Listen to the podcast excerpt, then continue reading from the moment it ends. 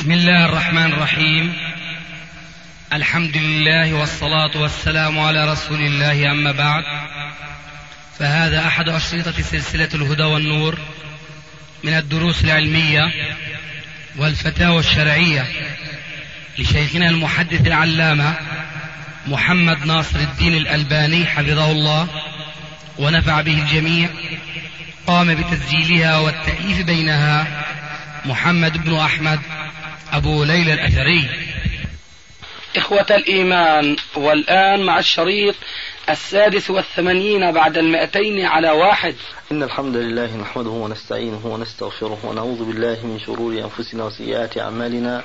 من يهده الله فلا مضل له ومن يضلل فلا هادي له. وأشهد أن لا إله إلا الله وحده لا شريك له. وأشهد أن محمدا عبده ورسوله. أما بعد إنه في يوم الثلاثاء التاسع من ربيع الثاني لسنة 1410 تم اللقاء بين مجلة المجاهد التابعة لجماعة الدعوة إلى القرآن والسنة وبين العلامة محدث العصر الشيخ محمد ناصر الدين الألباني حفظه الله ونفعنا بعلمه وبارك لنا في عمره وجمعنا وإياه في مستقر رحمته مع النبيين والصديقين والشهداء والصالحين وحسن أولئك رفيقا. فهذه أسئلة نتقدم بها لفضيلته آملين من الشيخ الإجابة عليها أثابه الله وغفر له. وهذه الأسئلة قبل تقديم الأسئلة آه، تذكرت شيئا وهو أن الشيخ جميل الرحمن طبعا هو أمير جماعة الدعوة إلى القرآن والسنة. آه، يعني أخبرني بأن أبلغ السلام للشيخ. عليك وعليهم السلام. السؤال الأول شيخنا ما رأي فضيلتكم؟ في من يقول إن الجهاد الأفغاني فرض عين على أهل أفغانستان فقط وكفاية على غيرهم لأن الواقع هناك أنه لا يوجد فعلا عمليات دائما وأن العملية التي يقوم بها المجاهدون يكون فيها العدد زائدا عن المطلوب. ومثال ذلك أن يكون العدد مثلا مئة والذي يقوم بالعملية عشرين أو خمسين. فها فهؤلاء آه، يعني لا عمل لهم إلا أن يتناوبوا مع غيرهم فقط. آه، نقول بعد الحمد لله والصلاة والسلام على رسول الله. وعلى آله وصحبه ومن والاه. آه، في اعتقادي أن الأمر لا يعود إلى أن الشعب الأفغاني ليس بحاجة إلى أن يمد برجال آخرين من الشعوب الإسلامية الأخرى. إلا لأن الإعداد الموجود في تلك البلاد من حيث ما أراده الله تبارك وتعالى في قوله وأعدوا لهم ما استطعتم من قوة ومن رباط الخيل ترهبون به عدو الله وعدوكم فعدم استطاعة الشعب الأفغاني لتهيئة الاستعداد الكامل من السلاح والقوة المادية. من هنا يظهر الدعوة السابقة ذكرا وهي أن الأفغان ليسوا بحاجة إلى مدد من الرجال أي لأن السلاح أقل مما يحتاجه الرجال الموجودون الآن في تلك البلاد. فلو أن السلاح كان هناك متوفرا لكان المدد البشري أيضا من جملة الإعداد المأمور به في الإسلام.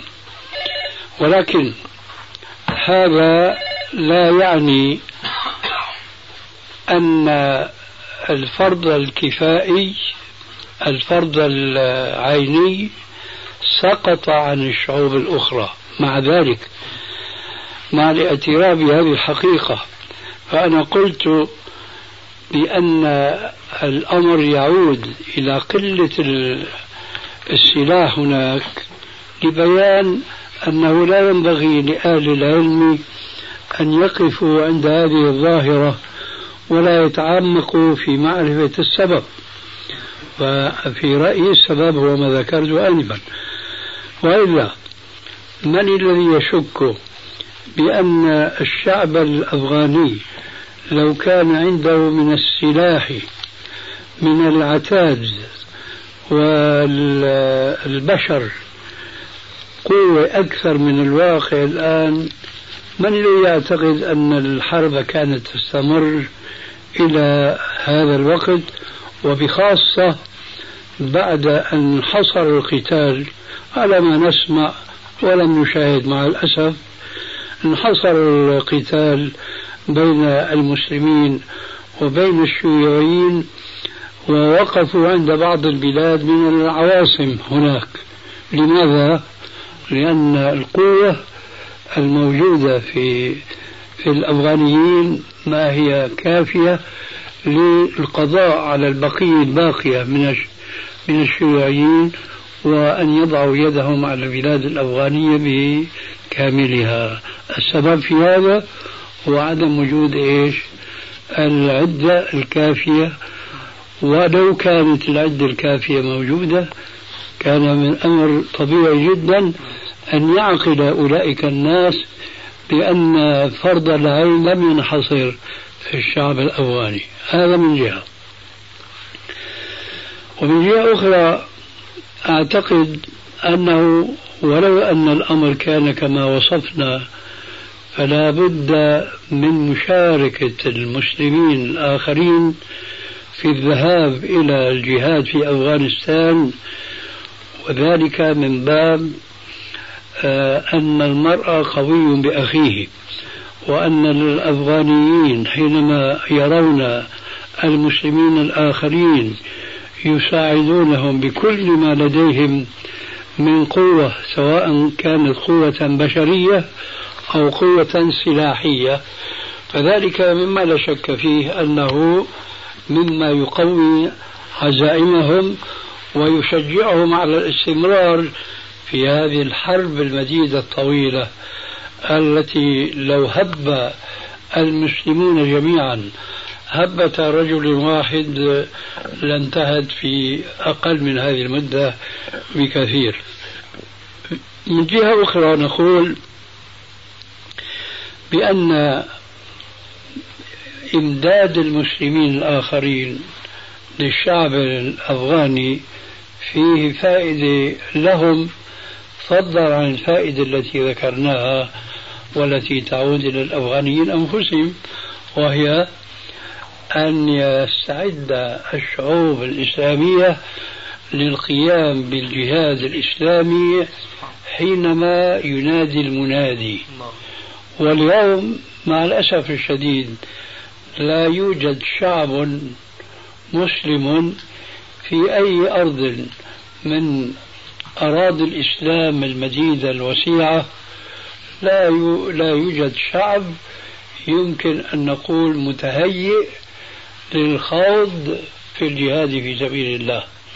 نعم قد يوجد هناك عساكر نظامية يتولاها ويوجهها الحكام القائمون على هذه الدويلات ولكن الحكام مع الأسف آه، لا يتبنون الجهاد الذي تتبناه الشعوب المسلمة وبالتالي مع تبنيهم هؤلاء الشعوب لهذا الجهاد فهم لا يستطيعون حراكا ولا يستطيعون أن يصولوا ويجولوا ويتمرنوا.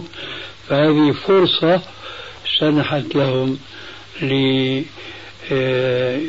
ليؤتوا ما لم يستطيعوا أن يفعلوه في عقر دارهم. زد على ذلك ما كنت ذكرته في بعض الجلسات حول هذا الموضوع بأن الأفغانيين هم أنفسهم إلى من يجاهد فيهم غير جهادهم. جهادهم مع الكفار بالسلاح. لكن الأفغانيين مع الأسف أو الأفغانيون هم بحاجة إلى إخوانهم المسلمين أن يجاهدوا فيهم في دعوتهم وتعليمهم الأحكام الشرعية المستنبطة من الكتاب والسنة. ولذلك, ولذلك كنت قلت لبعض المشايخ حينما التقينا بهم من العرب بأن ذهاب العرب إلى هناك أوجب من غيرهم لأنهم يجمعون بين جهادين. جهاد الكافر الذي اجتمعت كلمة الأفغانيين أنفسهم في قتاله وهو الكافر الشيوعي وجهاد آه اللسان والبيان الذي نعتقد جازمين بأن الشعب الأفغاني أكثره بحاجة إليه. فحينما يذهب المجاهدون العرب إلى هناك ويكونون من أهل العلم ومن أهل الكتاب والسنة فهم إذا يحاربون العدو عدو جميع المسلمين من جهة ويبشرون بدعوتهم في صفوف الإخوانيين الأفغانيين من جهة أخرى. ولذلك فلا أعتقد أن الفرض العيني سقط عن المسلمين الآخرين غير الأفغانيين. لكن لا شك ولا ريب أن كل المسلمين في كل الأقطار الإسلامية لا يمكنهم بطبيعة الحال أن يحلوا في أرض الأفغان لأسباب لا تخفى عن الجميع. ولكن من كان من أهل القوة المادية والعلمية فهذا أوجب ما يكون عليهم الذهاب إلى تلك البلاد للجمع بين المحاربتين. إذا صح التعبير محاربة العدو الكافر ومحاربة الجهل المتخلل في نفوس كثير من الشعب الأفغاني. هذا رأيي بالنسبة لهذا السؤال. السؤال شيخنا بالنسبة إذا ما تيسر للشيخ جميل الرحمن قيام دولة أو دويلة في منطقة كنر التي حررت والحمد لله تعالى من آه، أيدي الشيوعيين تماما. وبها الآن بعض آه، يعني في محكمة في قاضي شرعي لكن هذه المحكمة طبعا آه، ما عندها السلطة والقوة الكاملة لاختلاط جماعة جميل الرحمن بغيرهم. من آه، فإذا ما تمكن من ذلك هل يشرع له هذا؟ إقامة دويلة وإقامة حدود. وطبعا هذا يترتب عليه أمر آخر وهو أنه قد يقاتل من غير يقاتل من الأحزاب الأخرى لعلمهم بأن ذلك قد يضعف قوتهم ويقوي الشيخ جميل الرحمن. فهل يشرع قتالهم إذا ما قتلوه وبدأوه بالقتال أم لا؟ وغير ذلك مما يترتب على ذلك من الأحكام أنا كما قلت آنفا كان وجهي لي هذا السؤال وجوابي لا يزال كما كان. أن الذي أفهمه من قواعد الشريعة أن من كان بهذه المثابة وفي ذاك المكان المحاط بأحزاب كثيرة ولو أنها أحزاب إسلامية ولكنهم يختلفون مع الحزب السلفي هذا اختلافا كثيرا أو قليلا فكريا أو سياسيا. فأنا لا أنصح بأن يكون هذا الحزب إذا صح أن نسميه حزبا الحزب السلفي. والأحسن أن نطلق عليهم الجماعة السلفية. لا أنصح بأن يبدأ مقاتلة إخوانهم في الإسلام وفي الدين على ما بينهم من اختلاف جذري أو سطحي. ولكن عليهم أن يستعملوا الحكمة وأن يتعاطوا السياسة الشرعية مع من قد يحول بينه وبين نشر الدعوة السلفية. فلا يبادئهم ولا يبادرهم بالقتال إلا إذا هم بدأوه وحتى هم إذا بدأوه بالقتال وكان بإمكانه أن يكون عبد الله المظلوم ولا يكون عبد الله الظالم.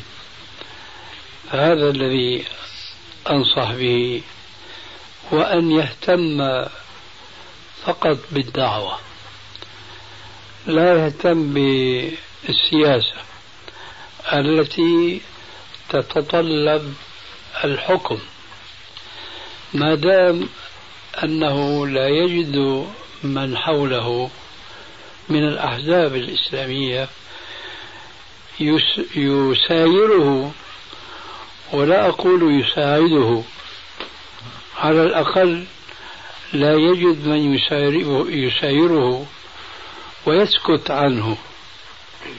هذا من جهة ومن جهة أخرى نحن الآن نجد كيف أن نشاط الجهاد الأفغاني الذي عرف طيلة هذه العشر سنين كيف وقف الآن.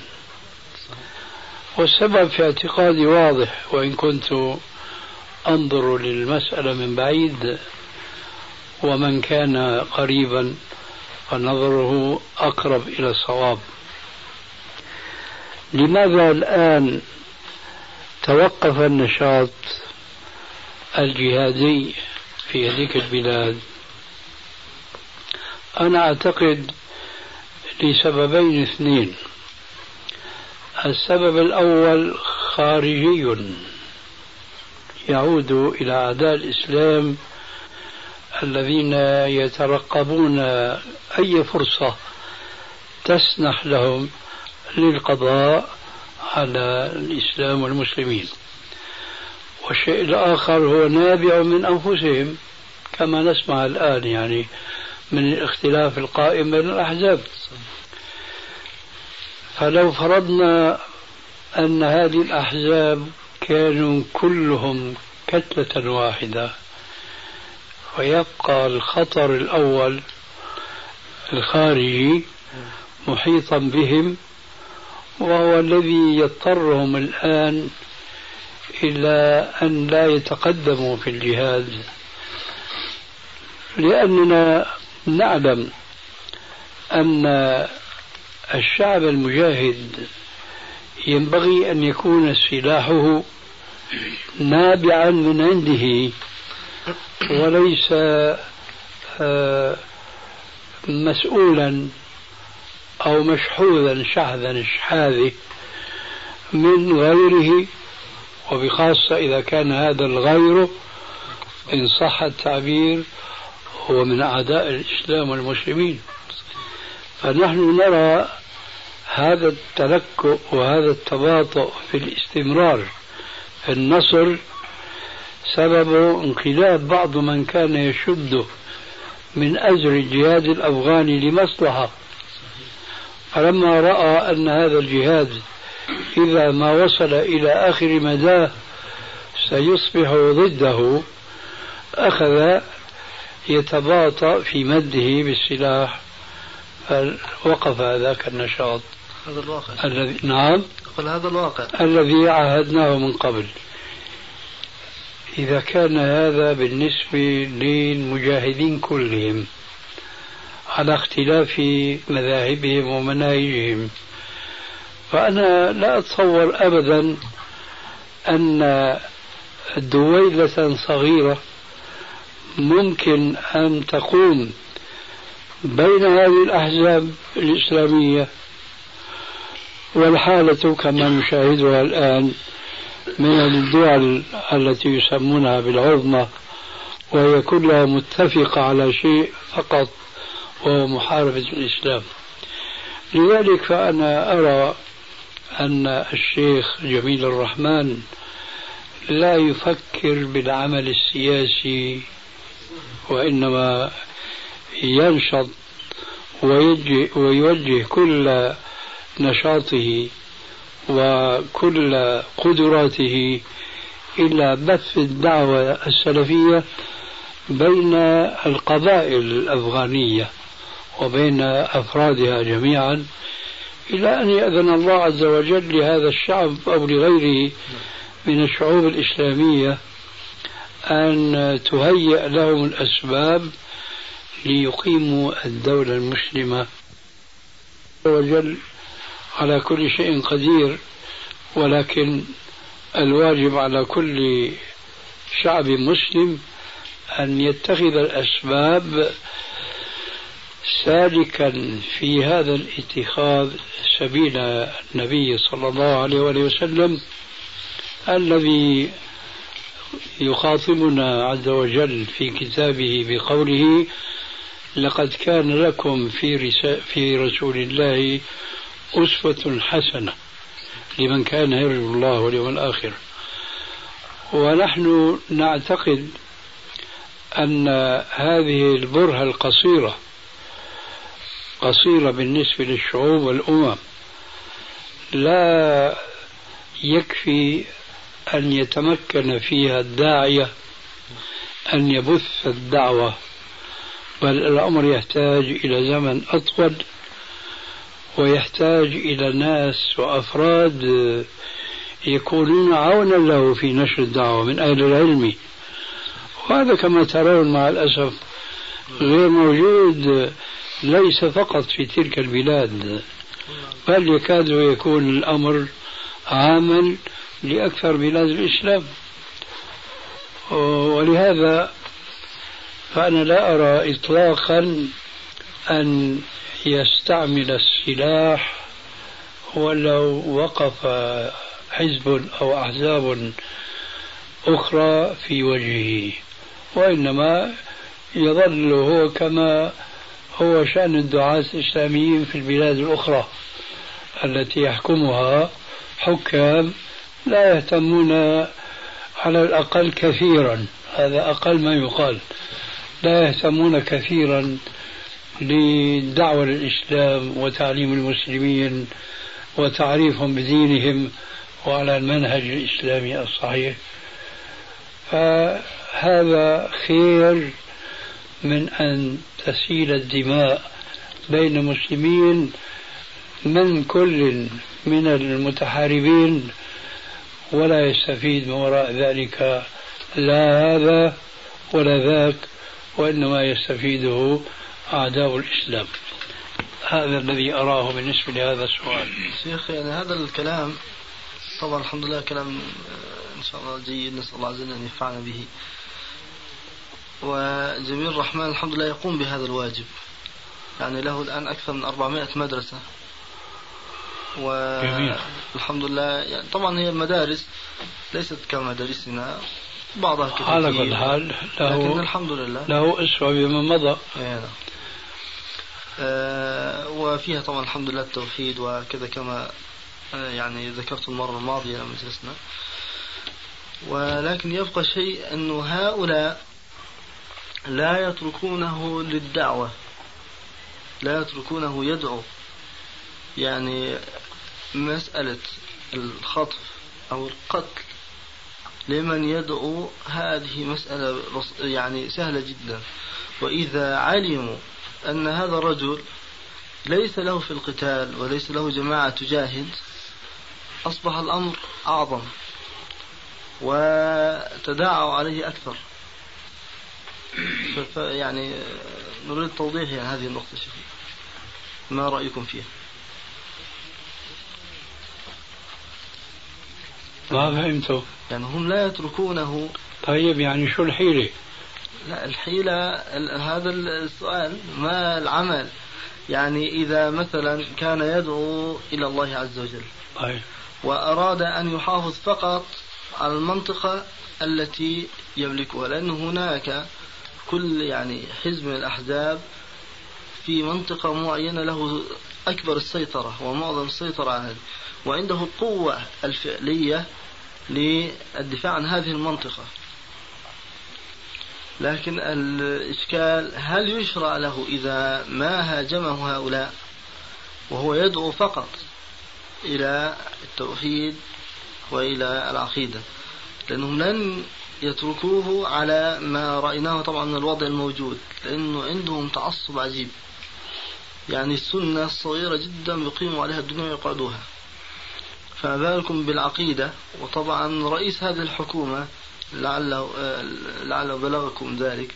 رجل صوفي يقول بأن الأقطاب الأربعة يتحكمون في, في, في الكون. الله المستعان. فهذا رئيس الحكومة الوهمية هذه المؤقتة يعني المؤقتة. كما يقولون. إيه. ف يعني إيش عمل هذا الرجل إذا ما هاجمه هؤلاء وهو يدعو فقط؟ وخاصة إذا ما علموا ضعف منه شيء من هذا ازداد هجومهم عليه وعلى جماعته بالقتل فعلا. ما عندهم يعني هذا التفاهم.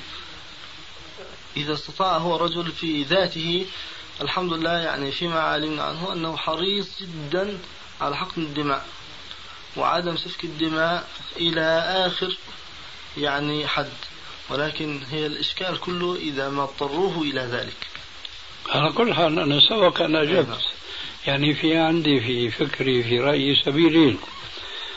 السبيل الأول هو الدفاع عن النفس وهذا جائز. لكن مع ذلك قلت آنفا كن عبد الله المظلوم ولا تكن عبد الله الظالم. واضح أظن جوابي نعم, نعم. طيب. غيره. السؤال الثاني. أو الثالث. نعم. آه، ما حكم الأفغانيين من المسلمين المقيمين بين الشيوعيين؟ بين بين الشيوعيين. شيوعيين نعم. أيوه. آه وما حكم الأفغانيين المقيمين خارج أفغانستان؟ سواء للتعليم أو لغيره من العمل وغير ذلك. وموقف أهل السنة آه، الموقف الذي يجب أن يكون من أهل السنة تجاه الشيعة الذين لا يألون جهدا في قتل أو خطف المسلمين من السنة هناك. يعني خطفوا بعض إخواننا الأطباء المصريين هناك خطفوهم ثلاثة أو أربعة آه، بعضهم هرب والبعض حتى الآن ما نعرف عنه شيء.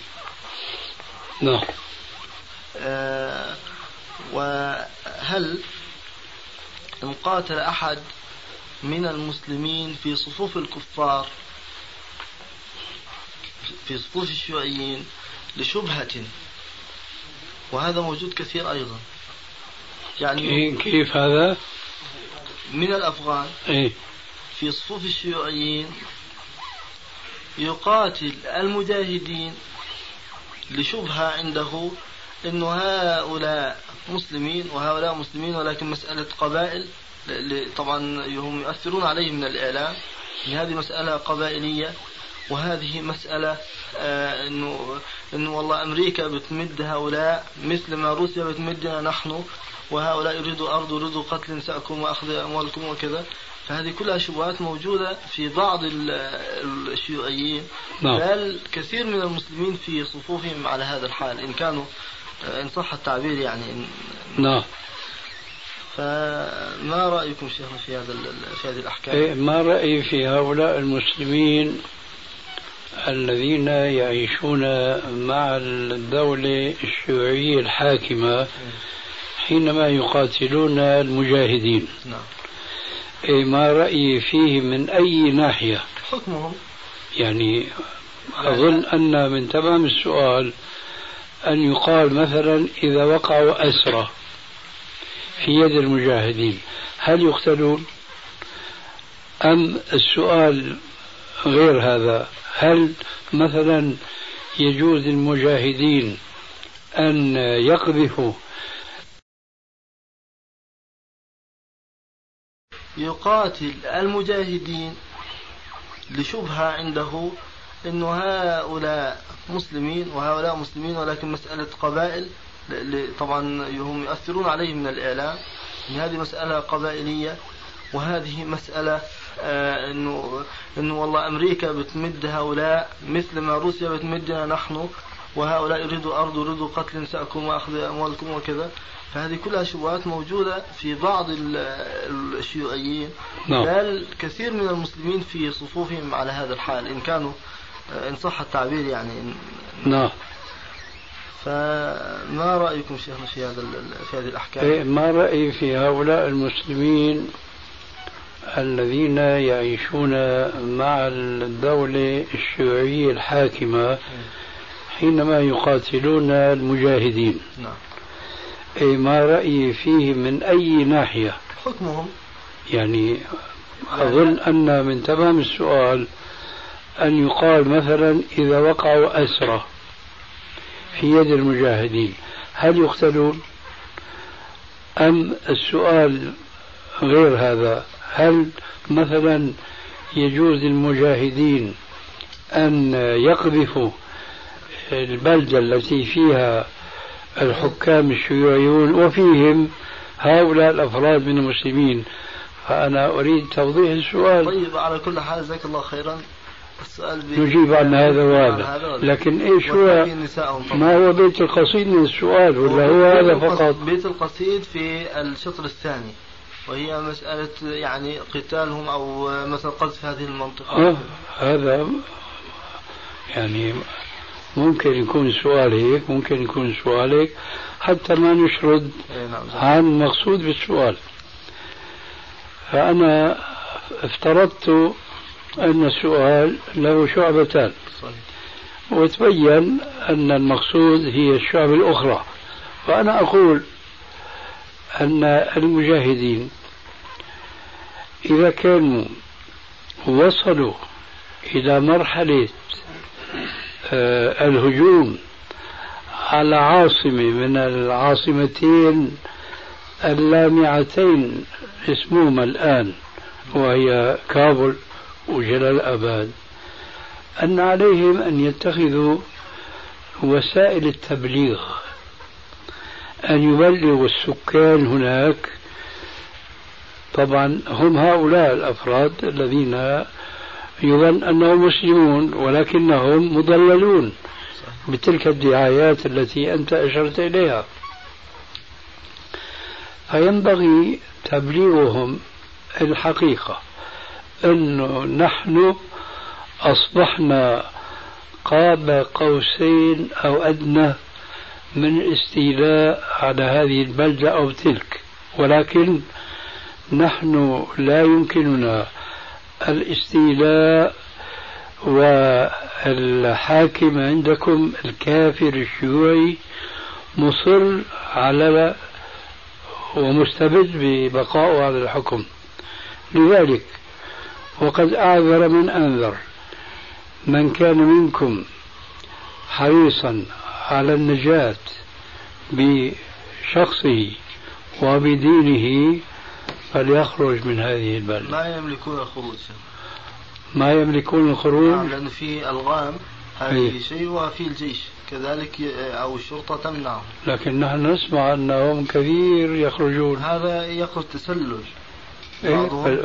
بعضهم يستطيع إذا تسلل يعني. الغالب والعام هذا يصعب عليه ذلك. كيف؟ يعني الأعم والأغلب أنه يصعب عليه الخروج فعلا. لأنه محاطين حاصل لكن الذي يتسلل وله طرق ومعرفة معلش نفترض أيضا هذا. يكون الجواب أنه نحن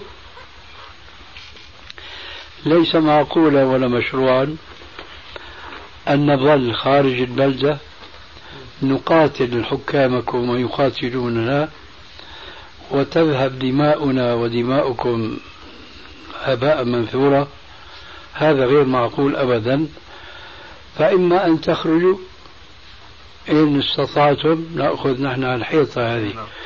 وإما أن تخرجوا على حكامكم. وتكونون لنا عونا عليهم. فأنتم من الداخل ونحن من الخارج لأنه لا يعقل أنه يظل الأمر هكذا. جبهتين إلى سنين. هذول بيضربوا من هون هذول بيضربوا من هون وعلى التعبير العسكري الذي قلنا يومئذ مكانك إيش؟ راوح. فإذا إما أن يخرجوا ويخلصوا وينجوا وإما أن يخرجوا عليهم. وهذا هو السبيل فيما أعتقد. والله أعلم. طيب شيخ حكمهم إذا ما أسروا حكمهم إذا ما أسروا أن يستتابوا.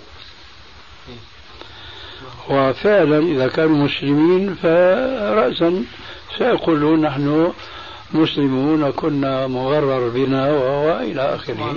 يعني كبار رؤسائهم نعم. كلهم شيخ يقولون كذا فإيش الحكم فيهم؟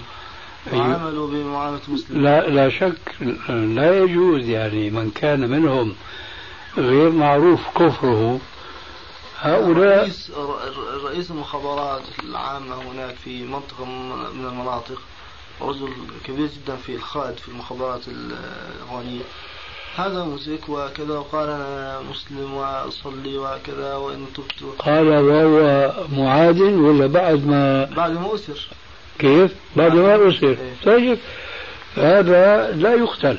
ما دام يشهد لا إله إلا الله محمد رسول الله لا يقتل. لكن يتخذ الحيطة بالنسبة له. وأنا بهالمناسبة أتساءل في نفسي كلما سمعت بأنه انضم من الجيش الحكومي الأفغاني إلى مجاهدين أربعين شخص خمسين شخص فيهم القائد الفلاني وإلى آخره. يا ترى المجاهدين شو بيذهبوا فيهم؟ هل يعني اتصل بهم الطيابة في نفوسهم أنه خلاص هذول خرجوا من من السلطة الشيوعيين وانضموا إلينا. فهذول بقى لازم نحن نعطيهم كل أسرارنا وكل خططنا ولا ولا يتحفظون منهم.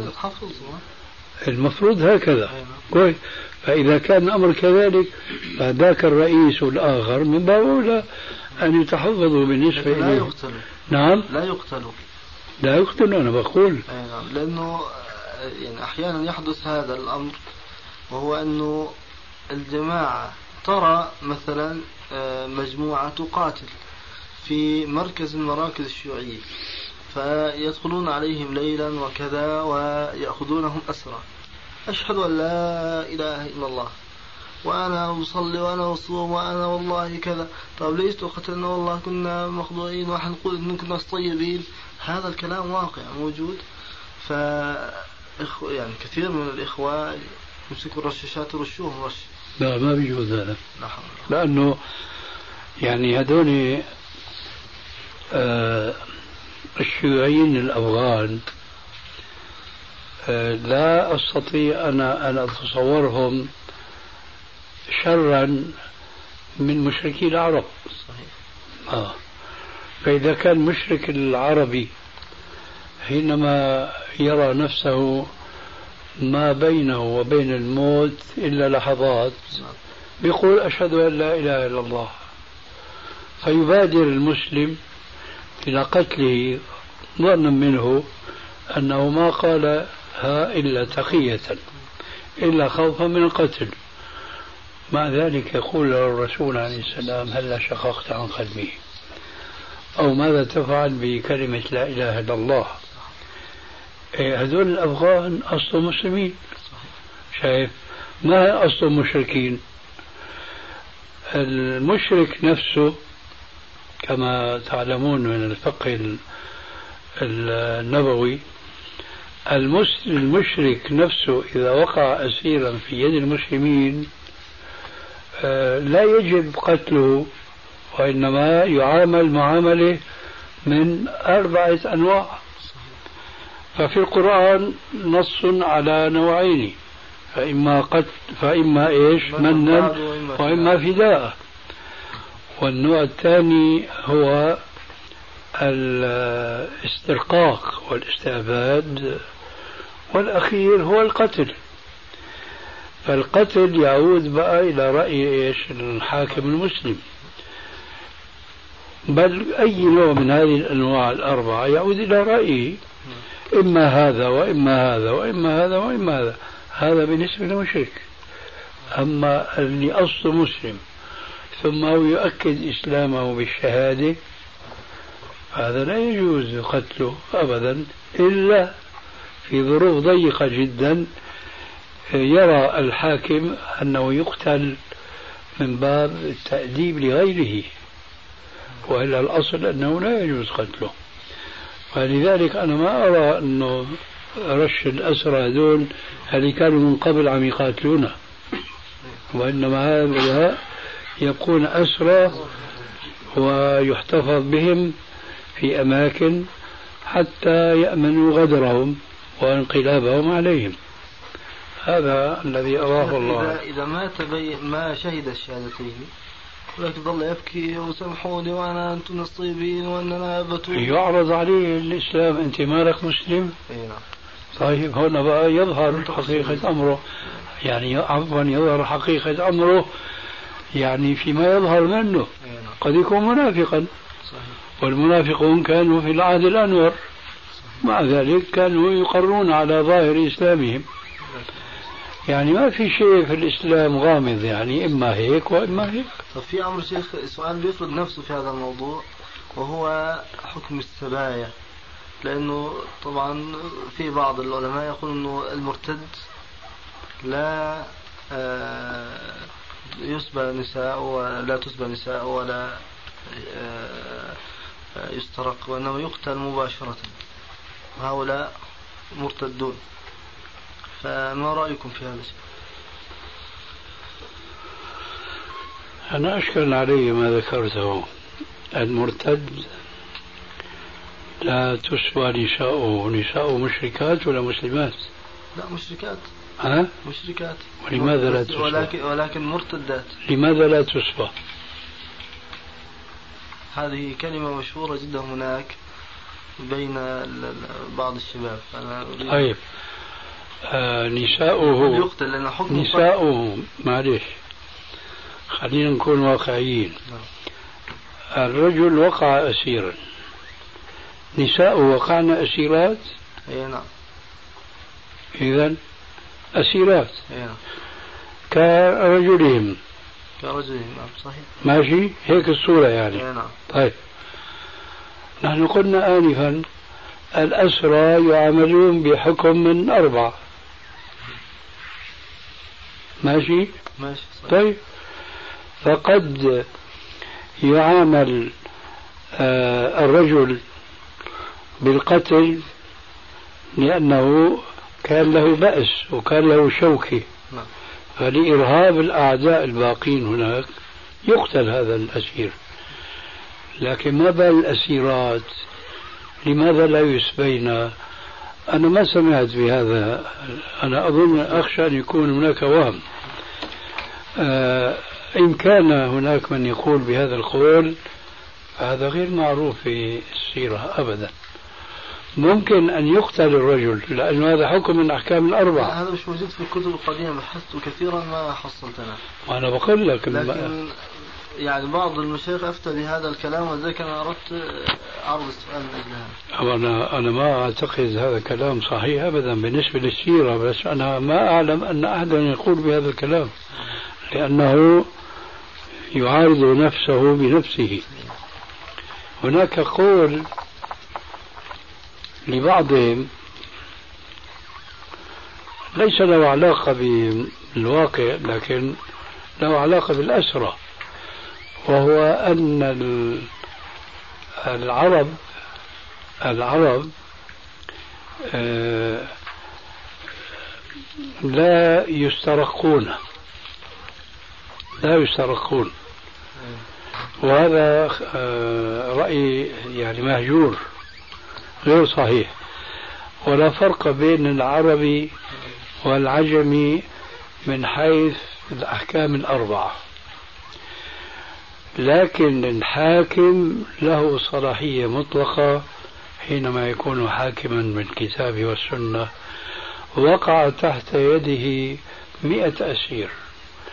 فقد يرى استئصال شأفتهم عن بكرة أبيهم فيقتلهم. وذلك من السياسة الشرعية كما قلنا إرهاب الأعداء. وقد يرى أن يمن عليهم. كما جاء في الحديث المشهور وهو حديث ضعيف ترى في السيرة اذهبوا فأنتم الطلقاء. ممكن أن يقول لهم بلسان حاله أو بلسان قاله لا مئة. اذهبوا فأنتم الطلقاء. ويلاحظ الجو الكافر شو موقفه.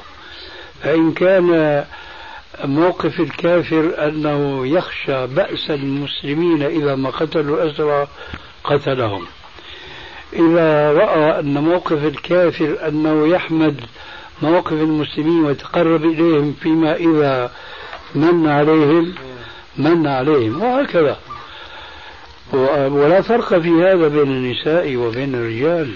قد يكون المن يشمل الجنسين لكن عادة قتل النساء لا يقع إذا كنا أسيرات لكن في الحرب في الحرب يجوز قتل النساء. لكن بشرط أن يكن مقاتلات. أي نعم.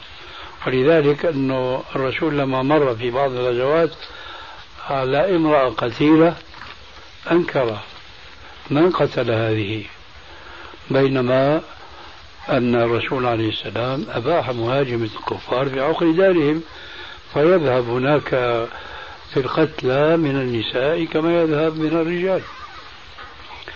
فإذا كان هناك نساء يقاتلن في صفوف المقاتلين يقاتلن ولا شك. لكن وقعت أسيرة ما في مصلحة سياسية أبدا لقتلهن. أما مفادة فممكن. أما من فممكن. أما استرقاق واستعباد وتمتع رجال المسلمين بهن فهذا من مصلحة المسلمين. فالذي ذكرته في الواقع أنا لا, لا أعرفه لكن بهذه المناسبة ممن سمعت هذا؟ أمن العاجم أم من العرب؟ العرب وجدوا هناك بعضهم بعضهم. تفضل. نفس الجراح أي نعم. يقول الماتن على رأي صديق أي نعم ويغنم من الكفار نفوسهم إلا المكلف من مرتد ولو أنثى. وعربيا ذكر غير كتابي فالإسلام أو السيف. بشرح عاد الشوكاني نعم. بلخص الكلام اللي تفضلت فيه أستاذ. كويس. قضية من وفداء وكذا. نعم. فهون قضية إلا المكلف من مرتد ولو أنثى. إيه. المرتد إذا كانت أنثى. معنى مرتد من دينه هذا الكلام تقوله. وهذا مرتد الشيخ هذا اللي بقوله أخونا. لا. كيف؟ هو يتحدث عن مرتد نعم شيخ. كيف؟ هو من ساعتها يتحدث لا عن مرتد. الرجل المسلم ارتد إيه.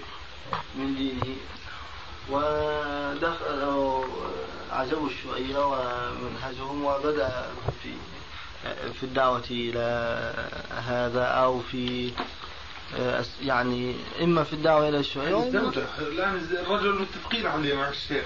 كلامك عن الزوجة الزوجة شيوعية ولا- الشيوعية مرتدة. آه هيك الكلام. أنا يمكن ما انتبهت ل- لقصدك لقولك أنها مرتدة أو ألقي في نفسي شيء ربما يكون هو الأقرب.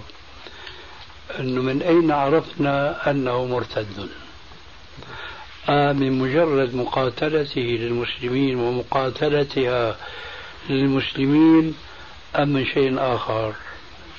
أي هذا هو الإشكال صحيح. إذا أنا معذور إيه صحيح. لا إذا طبعا عرف إذا خلينا نستأنف الموضوع. إذا كان السؤال المرتد هل يقتل أو لا؟ سواء كان ذكرا أو أنثى. نقول كما قال عليه السلام في حديث البخاري من بدل دينه فاقتلوه. ونحن لا نرى فرقا بين الذكر والأنثى في هذه المسألة خلافا للحنفية. لكن من هو المرتد عن دينه؟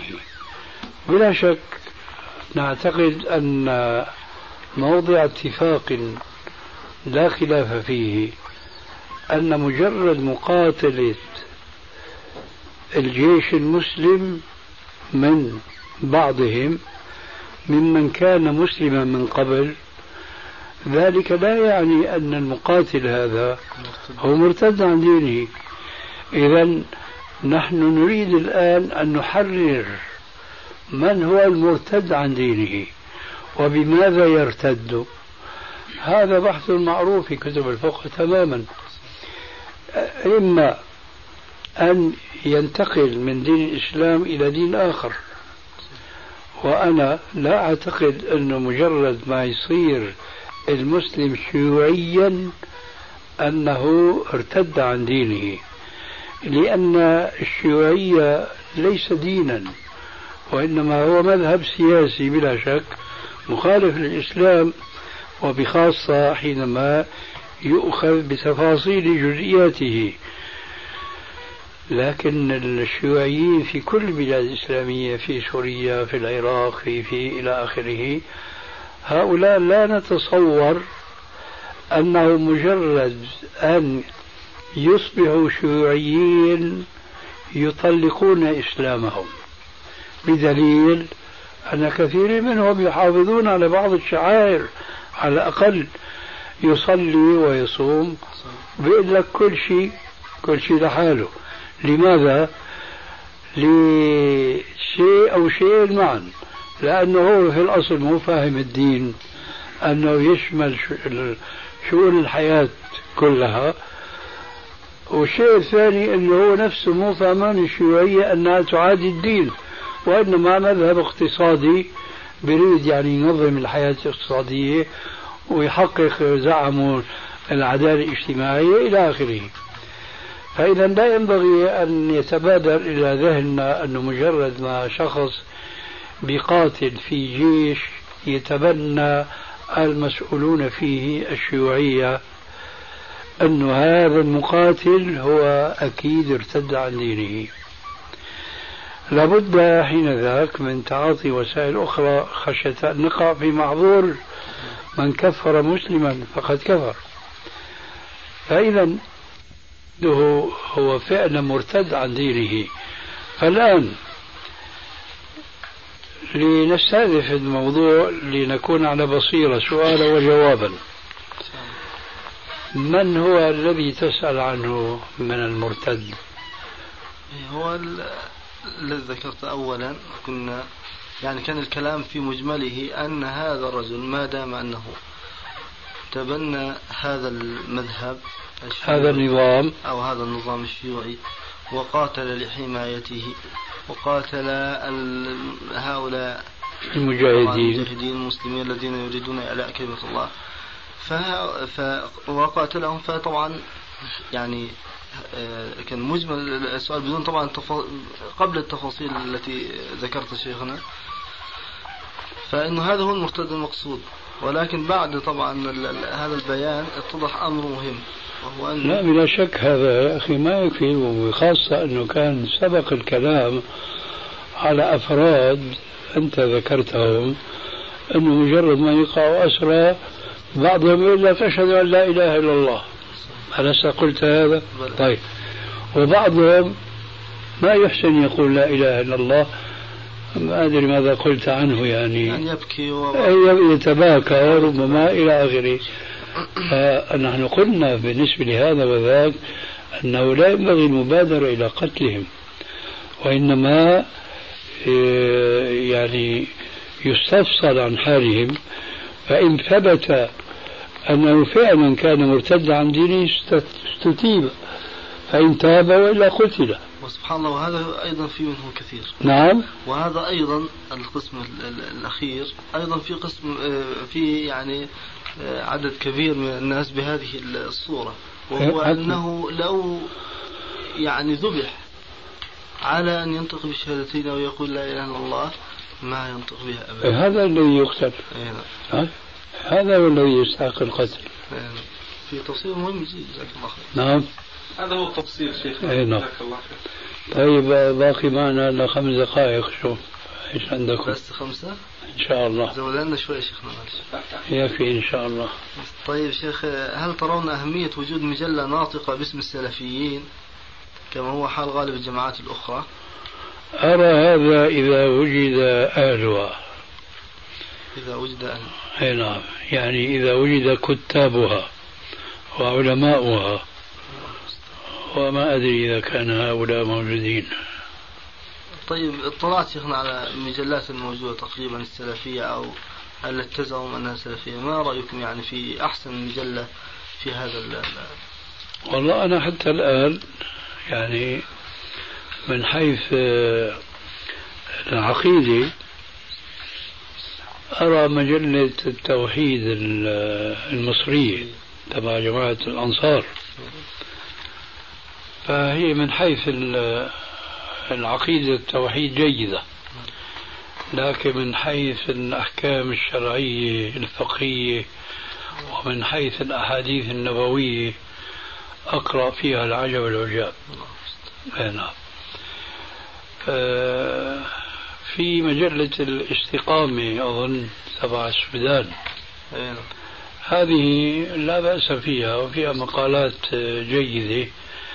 لكنها حديثة عهد بالصدور فما آن لنا أن نستكشف حقيقتها أي نعم. ويشبهها تماما وإن كنت أنا مسرورا بها إلى حد بعيد مجلة الفرقان التي يصدرها الأخوان السلفيون هناك في الكويت وعليها ورئيسها أظن عبد الرحمن عبد الخالق. إيه، هؤلاء يعني يعنون بالنواحي السياسية وفي بيان وضع الدول العربية وحكامها يعني يروي ويشفي صدور قوم مؤمنين. أي نعم.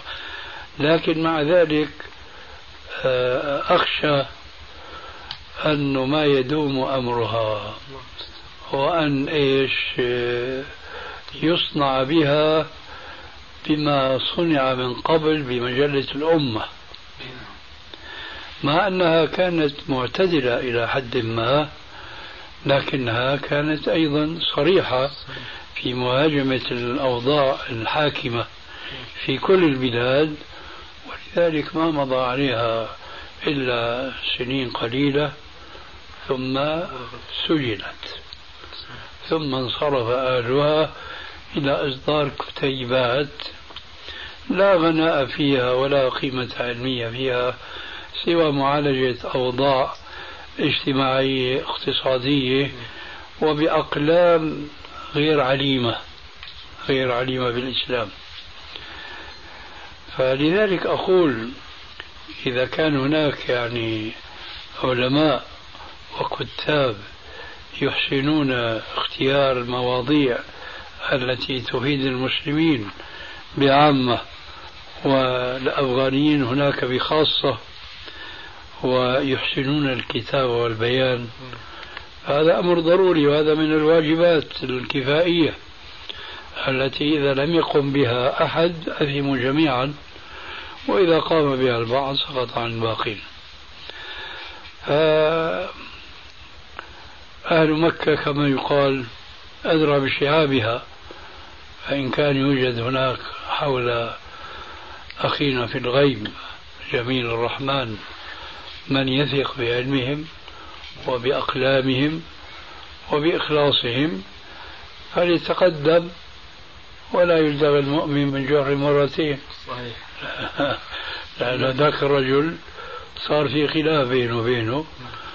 لماذا؟ لأنه الظاهر ما في وحدة فكرية. صحيح. فهو عليه أن يستصفي ممن حوله أناسا يكون قد اقتنع بأنهم متوحدين في المذهب وفي المشرب من جهة وأنهم قادرين على أن يكتبوا وأن يشرحوا للناس ما في نفوسهم من علوم يجب إظهارها. إخوة الإيمان تتمة الكلام في الشريط التالي.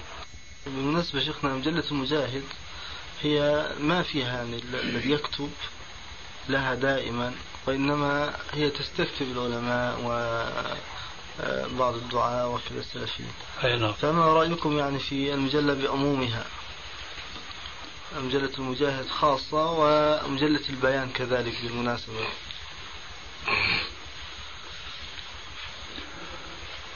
ما في عندي يعني فكرة لأنه الحقيقة مجلة مجاهد صار لها أشهر ما عم أشوفها أنا جاءني بعض الأعداد ما أدري انقطعت بسبب